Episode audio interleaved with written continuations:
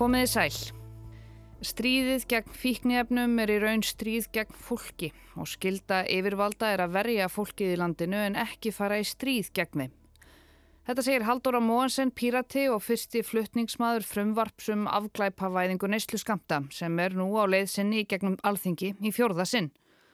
Haldóra segir óhjákvæmilegt að lögjafinn taki þetta skrefa lokum í ljósi þess að núverandi refsistefna sé alls ekki að virka. Vímuefnanótkun er að aukast andlát vegna ofstóra skamta ekst ár frá ári. Tjekkland, Holland, Portugal og Sviss eru meðal þeirra landa sem hafa tekið þetta skref með góðum árangri og nýverið tilkynnti bandaríkjafórseti líka aðgerðir af svipuðu meði. Þetta er liður í skadaminkandi nálgun gagvart fíklum og nótendum sem er alltaf að sanna sig betur og betur sem árangursríkt úrræði. Ég heiti Sunna Valgeradóttir og afglæpavæðing Neyslu Skamta verður á dagskrá í þetta helst í dag.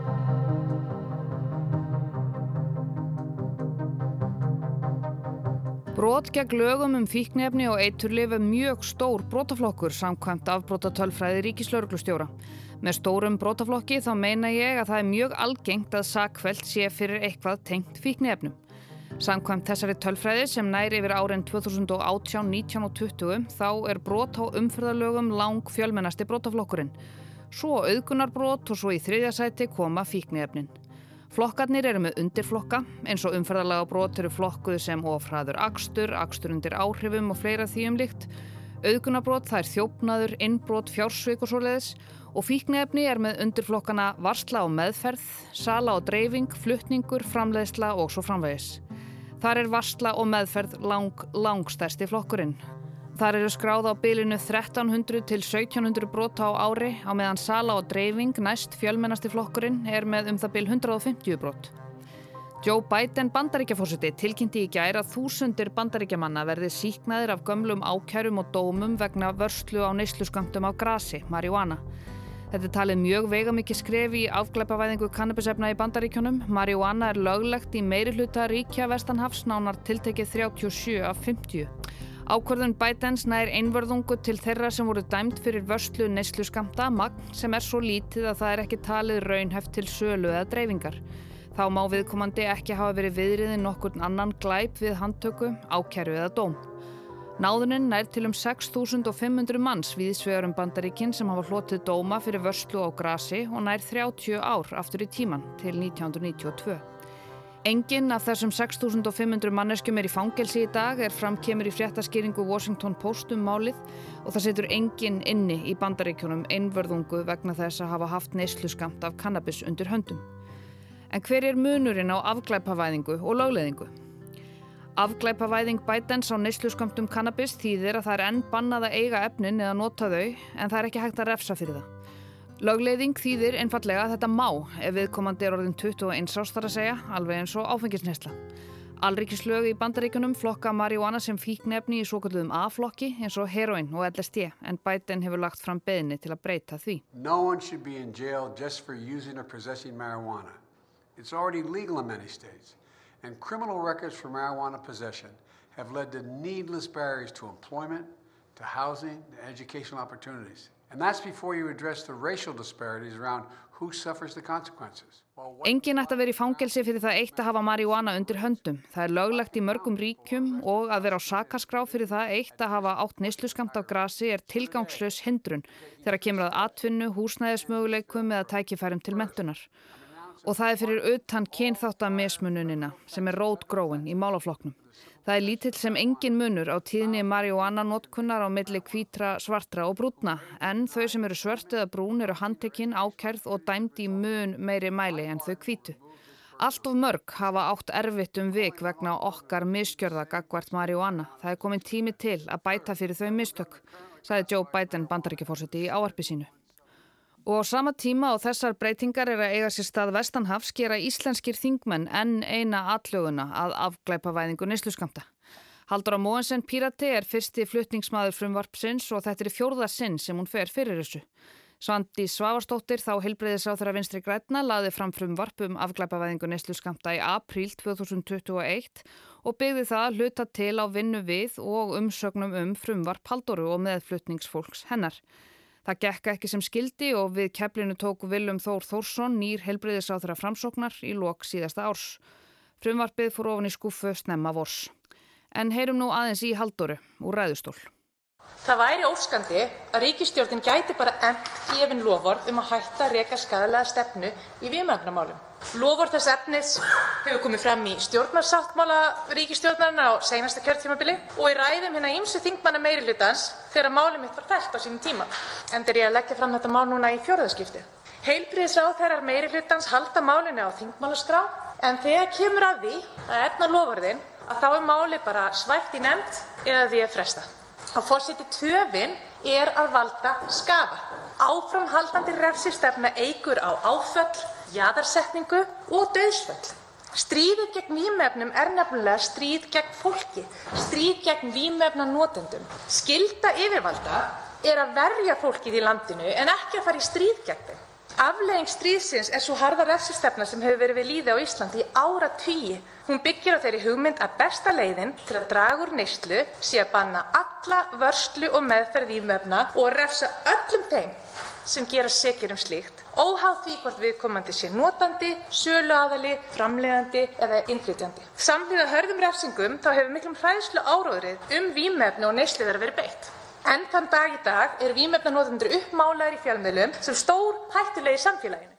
Fram kemur á kjarnanum að ráðherra hafi sagt að ástæðan fyrir því að þetta fór ekki lengra í gegnum þingið var að frekari útvarsla á frumvarpinu hafi verið nöðsynleg, meðal annars með því að skilgreina nákvæmlega hvað hugtækið nesluskamtur er. Starfshópur var skipaður í februarum verkefnið og hefur hann ekki skilað til honum sínum. En aftur að frumvarpi Halldóru og hinna tólf stjórnar anstöðu þingmannana úr pýratum, samfylkingu og viðreist. Þau sem eru með Halldóru á frumvarpinu eru þau Artís Anna Kristínardóttir Gunnarsdóttir, Björn Levi Gunnarsson, Gísli Rafn Ólafsson, Guðbrandur Einarsson, Hanna Katrín Fredriksson, Helga Vala Helgadóttir, Jóhann Páll Jóhansson, Lógi Einarsson, Sigmar Guðmundsson, Valgerður Átnadóttir, Þorgerður K. Gunnarsdóttir og Þórhildur Sunna Ævarsdóttir.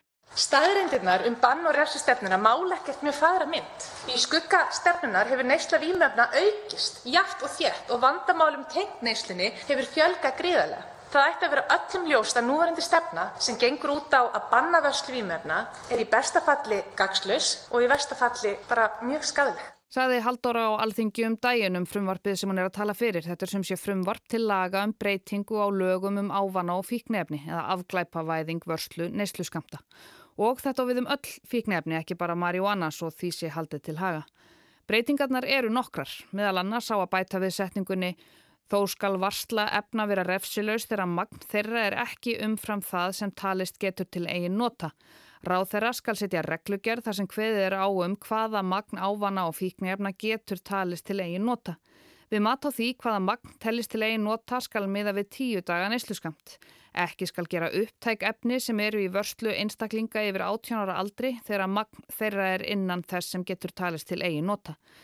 Ég sló á þráðin til Haldurum og spurði hana hvers vegna þetta vilist ekki fara í gegnum þingið enn sem komið er. Eins og ég skil þetta, að þá snýst þetta rosalega mikið um hræðslu fólks við að við séum að auka aðgengi að výmöfnum með því að hætta að refsa fólki fyrir að vera með neyslu skamta á sér sem að eru engin rauk fyrir, þetta er hræðsla. Þetta er tilfinning sem fólk hefur og alltaf bara ef þú hlustar á alla þingmenn sem fara upp í pontu með þessar áökjur þá talaður um mér finnst, þú veist, ég hef áökjur af, ég óttast. Þetta er ekki byggt á neinum gögnum út af því að við vitum alveg að þau lönd sem hafa farið þessa leið, það hefur ekkit aukið aðgengi. Uh, en það er aðgengi núna að ólægulegum ímöfnum bara mjög gott.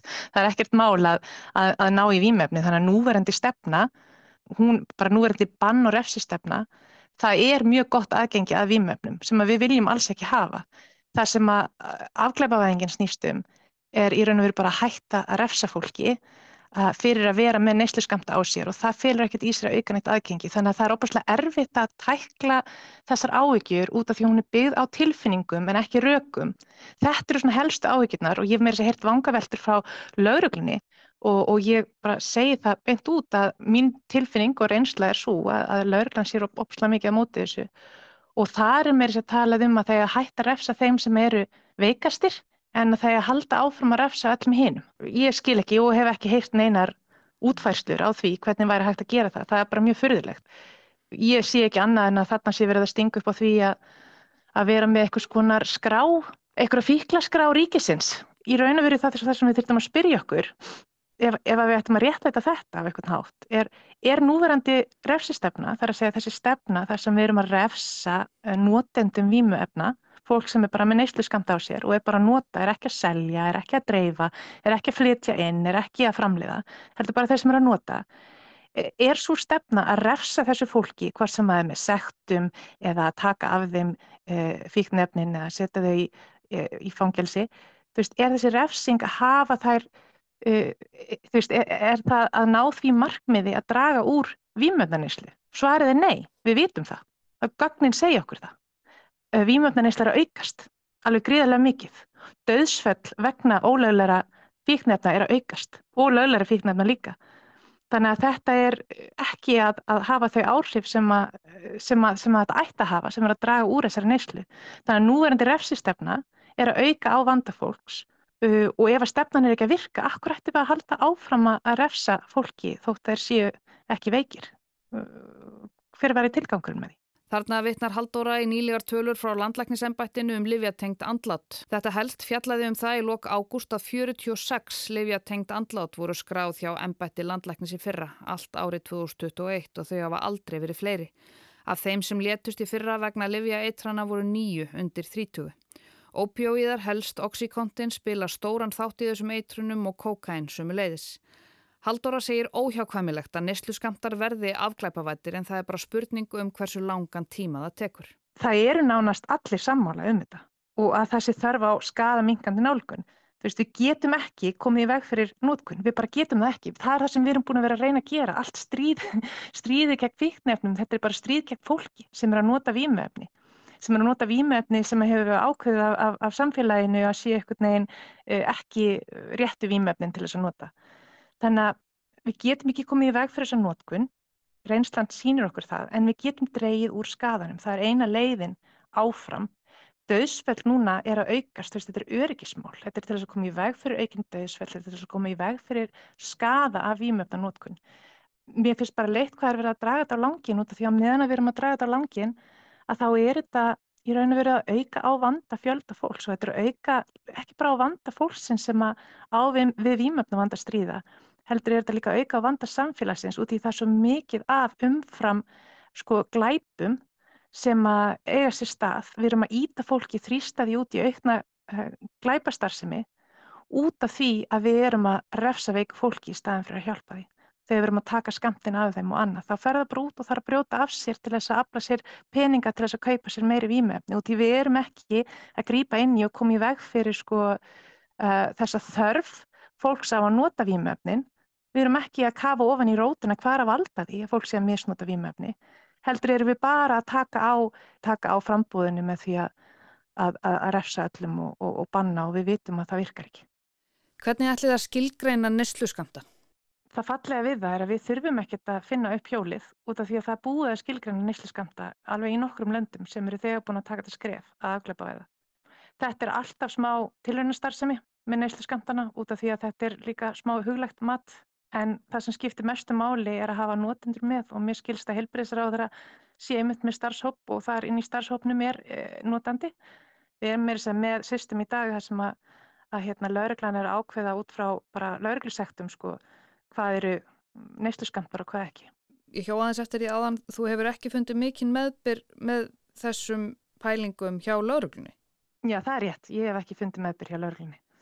Ef við erum bara raunsæ og við horfum á þetta bara út frá, út frá hlutverki lauruglunar og með fullri virðingu fyrir lauruglunni, að þá skortir, get ég bara skortir líklegast þekkingu þarna inn. Ég menna lauruglan hefur verið að framfylgja bann og refsistefnu í výmefnamálum í ára tíi og þetta er það sem að lauruglan kann og það sem lauruglan þekkir. En ég held, sko, út af því að þú spurði mig áðan hvað er að valda því að fólk er ekki, þú veist, er ekkert neginn trekt að, að, að breyta um stefnu og fara þessi leið. Ég held að eitt stór þáttur í því líka er þessi spurning hvað er fíkn. Við erum búin að vera að byggja stefnumótuna ágrunndtöku á svo miklum mítum og krettum í svo ótrúlega langan tíma og það er búið að setja svo rosalega mikið af fjármagni í að íta undir þú veist, þá sögu, þetta narratíf sem er búið að segja okkur um fíkn og hvað fíkn er út frá einhverju einni gallaðri tilraun sem var gerð fyrir sko, hvað er það, 20-30 árum síðan og það sem við vitum í dag um fíkn að það, það er eitthvað allt, allt annað heldur en það sem er búið að vera að segja okkur í ára tíi. Fíkn er flótti frá aðstæðum. Þú veist, fíkn er þegar að þú, að, þú hefur ekki fengið aðstóð með, með áföll og annað sem þú lendi í æskuði gegnum lífi. Þetta er viðbræði mannleiri þjáningu. Og það er það sem að, þú veist, þegar maður skilur það og raunverulega tengir við það að, að, að fíkn er þetta tengstaleysi, þessi einangrun og, og þessi áföll sem við höfum aldrei fengið aðstóð við og flótti frá sársöka að þá allt í henni föttu við bara býttu í á og eru við að refsa þessu fólki fyrir að taka verkjalífin sína. Þá, þá smellir þetta. Sagði Haldóra Mógensen, þingflokksformaður Pírata og nefndarmadur í velferðarnemnd Alþingis. Ég heiti Sunna Valgerðardóttir og afglæpavæðing vörslu Nesluskamta var helst hjá mér í dag. Það er hægt að nálgast þennan þátt og alla aðra þætti af þetta helst í spilararúf og á öllum hlaðvarpsveitum og vefnum þegar hendar. Takk fyrir að leggja við hlustir og við heyrumst svo aftur á morgun.